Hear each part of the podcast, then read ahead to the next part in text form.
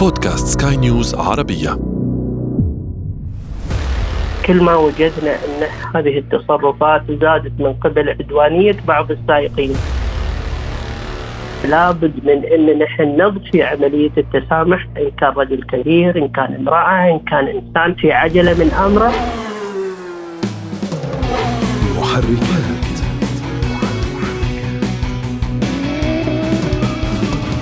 يتفنن البعض بطمس اللوحات والتحايل على الرادارات يعرضون حياتهم وحياة الآخرين للخطر.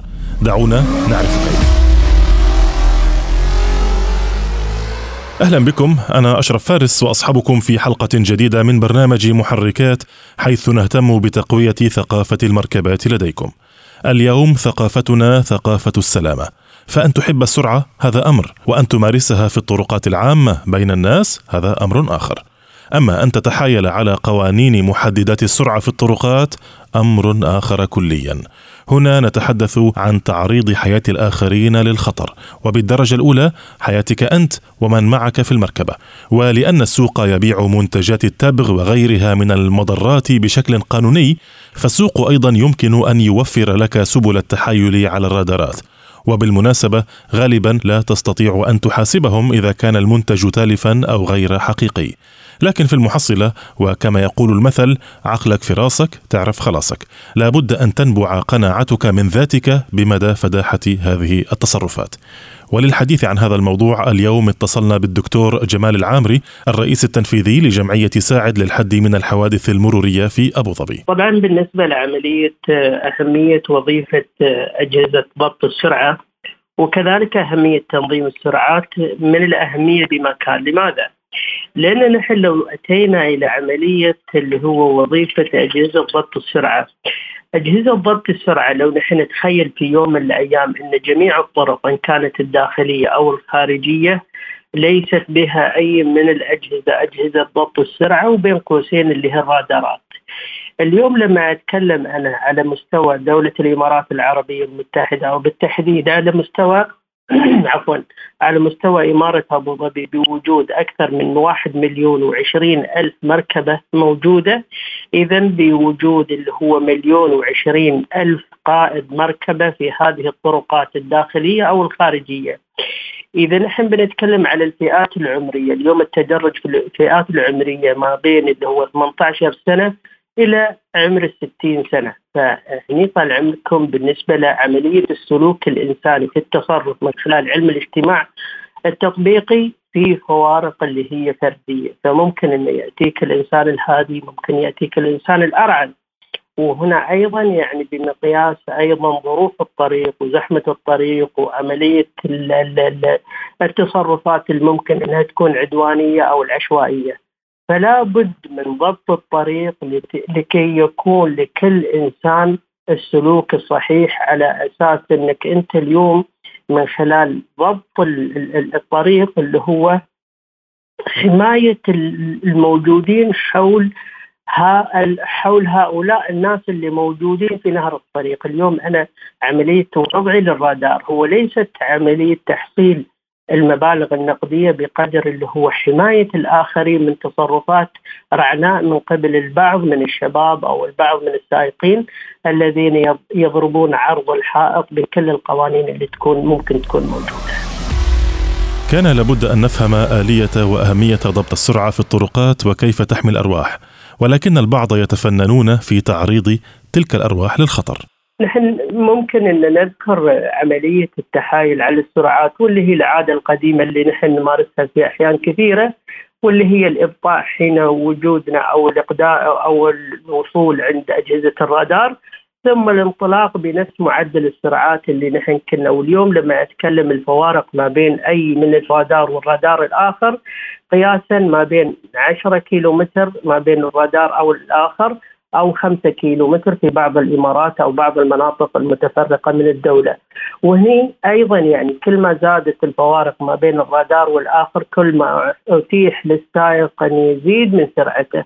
وهذه على إثرها تحاول إن الإدارات المرورية إنها تقلص المسافات ما بين الرادار والآخر، ولكن هناك أسلوب أيضا آخر من خلال التحايل على الرادار ألا وهو ألا وهو تثبيت أجهزة تنبيه من خلال اللي هو ال GPS في اعطاء تنبيهات إن هناك محيط رادار موجود فعلى أثره يقوم بالنسبة أو يقومون اللي هم السائقين أو البعض من السائقين بتخفيف السرعات اللي ممكن إنها تكون تجاوزت السرعات المحددة على الطرق إن كانت الداخلية أو الخارجية. أيضا في أحيان كثيرة إنه تتواصل أو يتواصل البعض ما بين ما بين زملائه بوجود بعض الرادارات اللي ممكن تكون خاصه الرادارات المتحركة فمن هنا تكون يعني بعض التنبيهات التي تصلهم من مجموعات إن كانت مجموعات الواتساب أو مجموعات من خلال التطبيقات اللي هي موجودة بالاضافه إلى التطبيقات اللي هي ممكن إنها تنبههم بوجود مثل هذه التحركات على الطرقات إن كانت الداخلية أو الخارجية.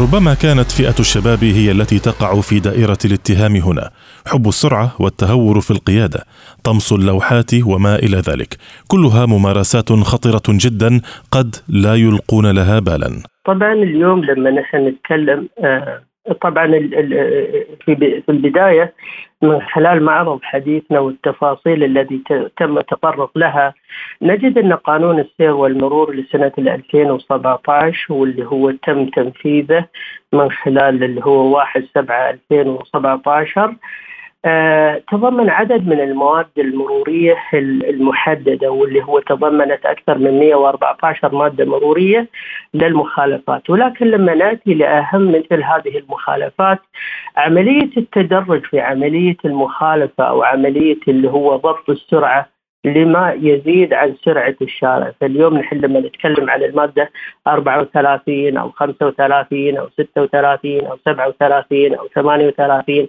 أو 39 أو 40 نجد أن المشرع الإماراتي حاول يغلظ من خلال اللي هو كل ما على سقف هذه السرعات على الطرق الخارجية أو الداخلية.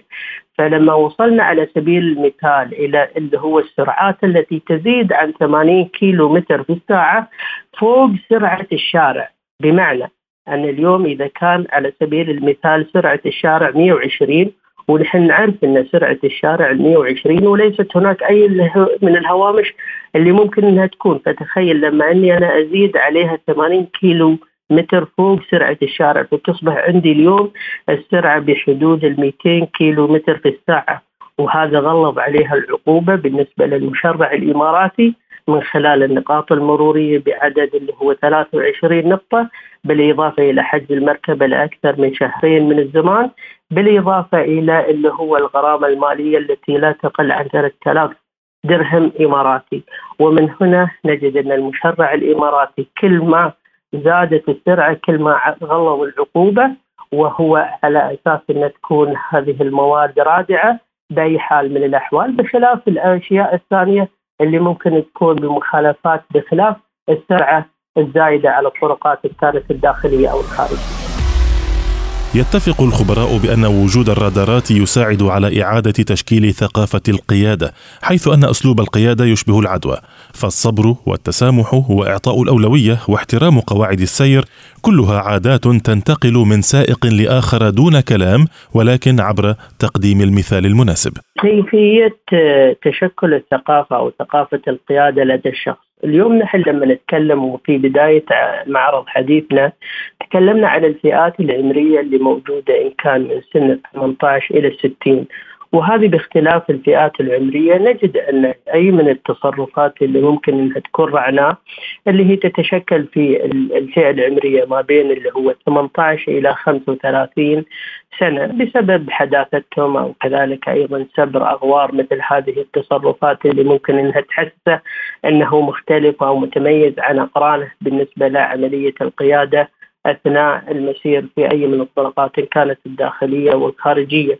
ولكن أيضا يعني بالنسبة للانعكاس الآخر كل ما زادت هذه السلطات إن كانت في الوطن العربي أو أي في أو في أي دولة من الدول إن كانت الدول العربية أو الدول الأجنبية نجد أن مستوى اللي هو آه، عملية الضبط بالنسبة لهذه الأجهزة الأمنية في عملية اللي هو القيادة أثناء آه، القيادة في نهر الطريق لهؤلاء السائقين. كل ما زادت هذه إن كان من انتشار الدوريات أو انتشار اللي هو الأجهزة أجهزة ضبط السرعه أو الكاميرات اللي هي إن كانت بنظام التي في سي أو كذلك بالنسبة للكاميرات العادية نجد أن انضباط هؤلاء القائدين وكذلك أيضا غلظه تطبيق العقوبات اللي موجودة من خلال إن كان اللي هو ريع هذه المخالفة المالية بالنسبة للمخالفة المروريه أو كذلك بالنسبة لأي من التصرفات اللي ممكن تكون موجودة من جانب هذه السلطات. وكيفية عملية انتقال العدوى، اليوم لما أتكلم انتقال العدوى كل ما خفت عملية الضبط أو الضبط المروري في الشارع كل ما وجدنا أن هذه التصرفات زادت من قبل عدوانية بعض السائقين. ولكن هنا أيضا أريد أركز على نقطة معينة ألا وهي انتقال العدوى لبعض الفئات واللي هي الفئة الصغيرة العمرية اللي هي من فئة ال 18 إلى ال 25 سنة نجدها أيضا من خلال اللي هو مثل ما قلت قبل شوية سبر أغوار السرعة والتميز دون عن أقرانهم. وخاصة من خلال مشاهدة بعض المقاطع اللي هي الفيلمية اللي ممكن تكون فيها بعض التحديات أو الهجولة أو كذلك بالنسبة للسرعات اللي ممكن إنها أو المطاردات اللي هي بينها وبين أجهزة أو دوريات ضبط السرعة اللي موجودة من الدوريات المرورية. فنجد أن بعض الأحيان يريد يحاكي مثل هذه الأفلام ومن هنا نجد أن البعض منهم يقوم بهذه التصرفات دون الوعي بانه هو يضرب عرض الحائط بكل القوانين أو كل المبادئ مع تعرضه لا قدر الله أي من الحوادث أو أيضا الضرر للآخرين من المحيطين من المركبات اللي ممكن إنها تكون موجودة. مما هو معلوم أن حادث السير يتشكل خلال أجزاء من الثانية وبسبب خطأ صغير قد يؤدي إلى كارثة بالمعنى الحقيقي الكثير من تلك الحوادث سببها قلة انتباه أو ضعف في التركيز البشر بطبيعة الحال متفاوتون في القدرات وقلة التسامح واتباع القيادة الهجومية دائما يمكن أن يربك الآخرين وأن يتسبب بحوادث مرورية. عملية التسامح اليوم لما إن نحن يعني في بعض الأحيان نزور بعض البلاد إن كانت العربية أو إن كانت البلاد الأجنبية ونجد إن في ناس تتيح لنا عملية المرور بسهولة وانسيابية فنتذكر هذا الموقف زين لماذا علق في أذهاننا مثل هذه التصرفات؟ لأن تربية هذا الشخص تختلف عن تربية شخص آخر، فمن هنا لابد من أن نحن نضفي عملية التسامح من خلال وجودنا في نهر الطريق لأي من الناس اللي هي ممكن أني أنا أقدر ظرفه إن كان رجل كبير، إن كان امرأة، إن كان إنسان في عجلة من أمره، وهذا اللي هو يضفي الأريحية على اللي هم المستخدمين مستخدمي الطريق واعطاء الأولوية، طبعا الأولوية حكمتها حكمها القانون أو اللي هو قانون السير والمرور بإعطاء اللي هو الأولوية للقادم من اليسار، ولكن احيان كثيرة أن نجد أن البعض منهم لا يحترم اللي هو اتجاه القادم منه ويقوم بضرب مثل هذه اللوحات عرض الحائط. ومن هنا تجد أن نفسك قد تكون أستاذ في مثل هذه التصرفات. طبعا بالنسبة للصبر لابد من وجود صبر في الطريق لأنك أنت اليوم تتعامل مع عقليات وطباع وامزجه مختلفة بقدر حجم الموجودين في هذا الموقف اللي نحن فيه. كذلك أيضا بالنسبة لمراعاة البعض أن يكون كبيرا أو ضعيفا وهذه بالأحقية، اليوم إذا نحن مثل ما ذكرت في المبدأ البداية اللي هو للطريق آداب وللسرعه مضمار اليوم هناك من هو يحتاج إلى مساعدتك. اليوم لا قدر الله أيضا عندك ناس من أصحاب الهمم. قد لا تعي أن هذا الإنسان من أصحاب الهمم ولكن توقع أن هؤلاء البشر الموجودين في محيطك لا يكونوا بصحة أو أسوياء وأنت الصحيح وأنت السوي. فدائما ضع مبدأ أنك أنت السليم والمحيطين فيك قد يكون الذي هو ممكن أن يكون بغير وعيه، أن يكون مريض، أن يكون سهران، أن يكون متعاطل، أن يكون أي من الظروف اللي ممكن إنها تكون موجودة، فدائما أضع الجانب أو الاحتمالات التي لا قدر الله لهؤلاء بظروفهم اللي هي موجودة. محركات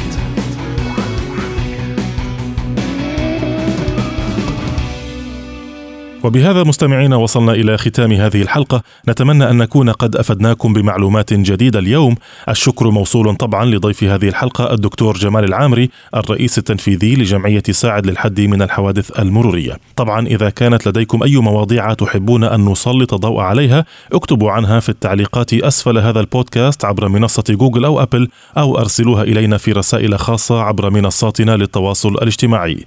صحبتكم في هذه الحلقة إعدادا وتقديما محدثكم أنا أشرف فارس.